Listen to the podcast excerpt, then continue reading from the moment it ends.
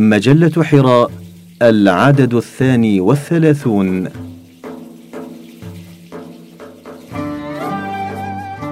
إضاءات للتعافي من الاكتئاب بقلم سعاد ولايتي.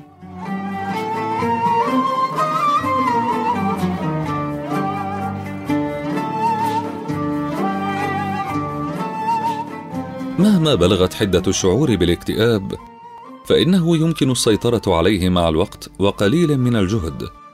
بل والعلاج إن استدعى الأمر.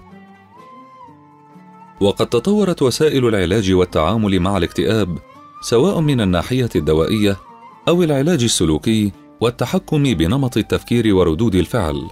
عن طريق تمارين ذاتية أثبتت نجاحها في علاج حتى أعتى حالات الاكتئاب. إن أساس فكرة العلاج السلوكي الإدراكي هو أنه بإمكاننا أن نعيد برمجة أذهاننا ونتخلص من الأفكار الانهزامية السلبية. إن الشعور بالكآبة شعور مؤلم يستنفد طاقة الفرد ويسبب له الشعور بالخور والهبوط والإحباط، إلا أنه قابل للانفراج بالبدء بخطوات صغيرة نحو التغيير والبناء عليها خطوة بخطوة بثبات وصبر وأمل واستعانة بالمحيط الاجتماعي المساند. التعافي من الاكتئاب يحتاج إلى طاقة وهذه يصعب جدا إيجادها أثناء هجمة الكآبة.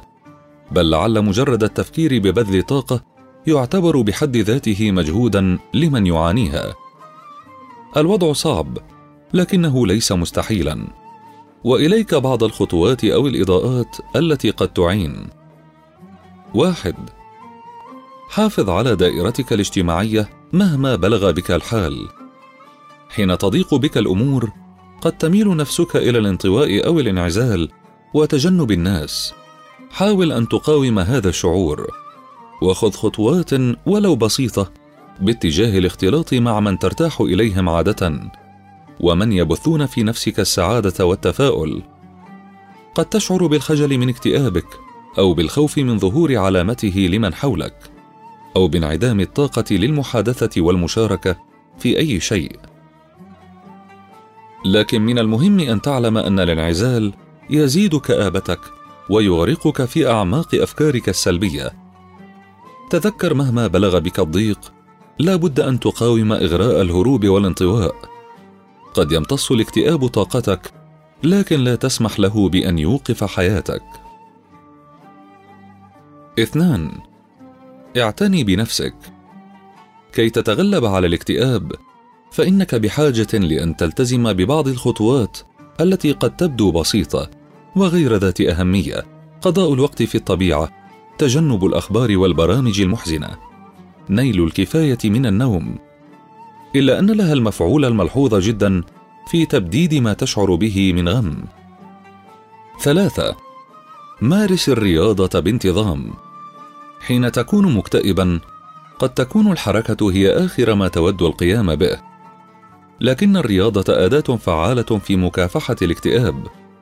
بل لقد أثبتت الأبحاث أن الممارسة المنتظمة للرياضة كثيرا ما تحقق نفس النتائج التي تحققها الأدوية مضادة الاكتئاب في رفع مستوى الحيوية وخفض الشعور بالإجهاد لدى الشخص المكتئب. لم يتوصل العلماء إلى السبب وراء هذه الحقيقة. إلا أنهم وجدوا أن الممارسة المنتظمة للرياضة تزيد من كمية وفاعلية الناقلات العصبية المحسنة للمزاج كما ترفع من نسبة هرمون الأندروفين الذي يؤثر على المشاعر الإيجابية وتخفف من التوتر وتعين على الاسترخاء العضلي. أربعة اجعل غذاءك متوازنا وصحيا قدر الإمكان. لم تخطئ الحكمة القائلة أنت ما تأكل. واحرص على الغذاء المتوازن المكون من البروتينات والكربوهيدرات المركبة. الخبز الأسمر مثلا والفاكهة والخضار. تجنب السكريات والكربوهيدرات المكررة كالإكثار من البطاطس المقلية والوجبات السريعة. فلها تأثير سلبي على تقلب المزاج. وأكثر من تناول الموز والرطب واللبن. إذ لها تأثير في رفع مستوى السيروتونين واستقراره. أكثر من الأغذية المحتوية على دهون الأوميغا 3 لأن لها الأثر الملحوظ في رفع المعنويات وهي موجودة في الأسماك الدهنية خاصة سمك السلمون والماكريل والسردين والمكسرات خاصة الجوز. خمسة تجنب الأفكار السلبية وارفضها. يقول الاختصاصي النفسي ديفيد بيرنز: المكتئبون هم أساتذة فن الخداع، إذ إنهم بنظرتهم المتشائمة لديهم القدرة على قلب النجاح إلى فشل والفشل إلى إخفاق. كثير ممن عندهم القابلية للكآبة هم من أكثر فئات المجتمع نجاحا وإنجازا، إلا أنهم مصابون بداء التفكير السلبي المتواصل حول أنفسهم ومستقبلهم. ورؤيتهم تلك تشوه نظرتهم للكون، حتى يغدو كل شيء حولهم كئيبا وبائسا. إن التوجه نحو التفكير السلبي لا يعتبر من أعراض الكآبة فقط، بل هو أساسها. إذ بما أن أفكارنا ومعارفنا هي التي تشكل مزاجنا، فإن الأفكار الإيجابية تترجم نفسها إلى مزاج حيوي ومتفائل، بينما الأفكار السلبية المتكررة قد تغرق صاحبها في بحر من اليأس. لا تتعجل النتيجة، من سار على الدرب وصل.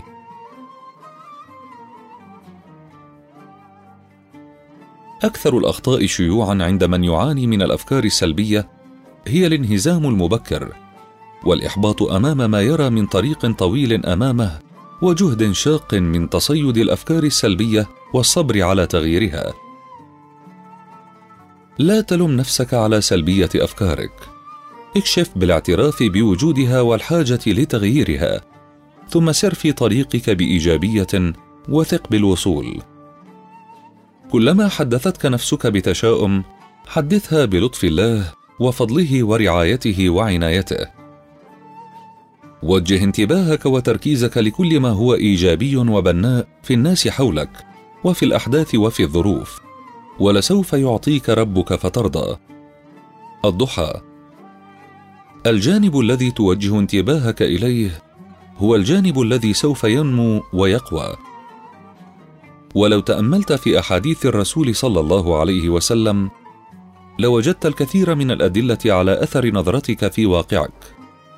مثل قوله صلى الله عليه وسلم أنا عند ظن عبدي بي تفاءلوا بالخير تجدوه.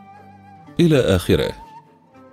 كن على يقين بأن الكون يسير في مساره الطبيعي والمفترض له وأن الأحداث وإن بدت لك أنها تسير على غير المطلوب إلا أنها حتما تسير وفق المكتوب ووفق المسار الذي يحقق الحكمة الإلهية المطلقة.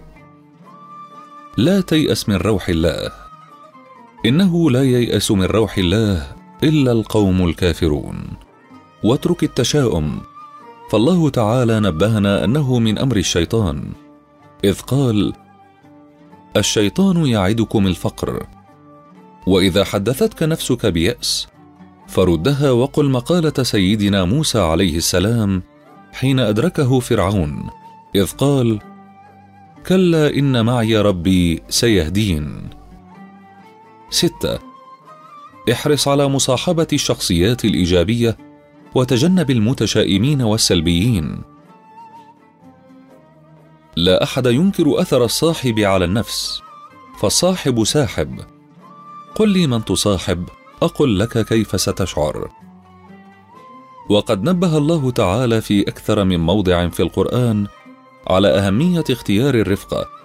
لعل من أهمها قوله تعالى يا أيها الذين آمنوا اتقوا الله وكونوا مع الصادقين فأمر بعد التقوى باختيار الصحبة. سبعة.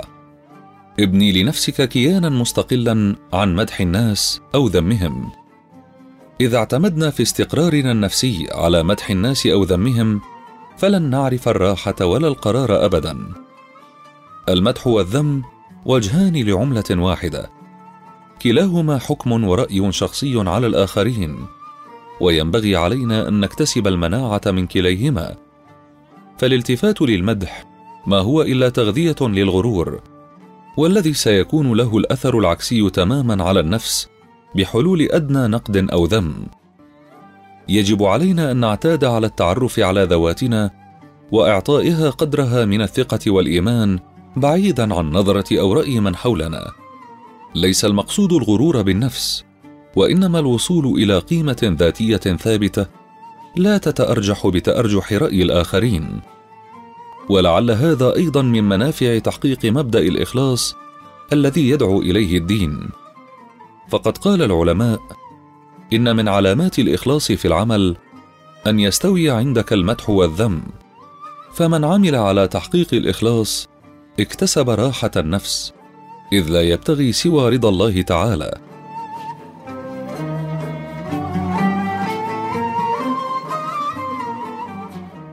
ويتبع هذه النقطة أن تتجنب النقد للغير فإن كثرة النقد علامة على نفسية تتجه نحو رؤية النقص سواء في النفس أو في الغير وكلاهما تفكير سلبي غير بناء. ثمانية لا تتردد في اللجوء للمساعدة إذا شعرت بالحاجة. إن كل ما ذكرناه مسبقا من خطوات من شأنها أن تنجح في تبديد أغلب حالات الاكتئاب البسيط والمتوسط إذا ما تم الالتزام بأغلب الخطوات بثبات واستمرار والتحلي ببعض الصبر إلا أن الشعور بالاكتئاب في بعض الأحيان قد يكون من الحدة بحيث يصعب على الإنسان أن يتغلب عليه وحده ويحتاج إلى معونة من متخصص. والأدوية المضادة للاكتئاب ليست كما يدور في أذهان الكثيرين في مجتمعاتنا من أنها تؤدي إلى النوم أو إلى الإدمان عليها. فهي أدوية مثلها كمثل المضادات الحيوية التي لها برنامج معين في أخذها وتركها باستشارة طبيب لا أكثر ولا أقل. بل قد يكون لأغلبها أعراض جانبية أخف بكثير من أعراض المضادات الحيوية وغيرها من الأدوية.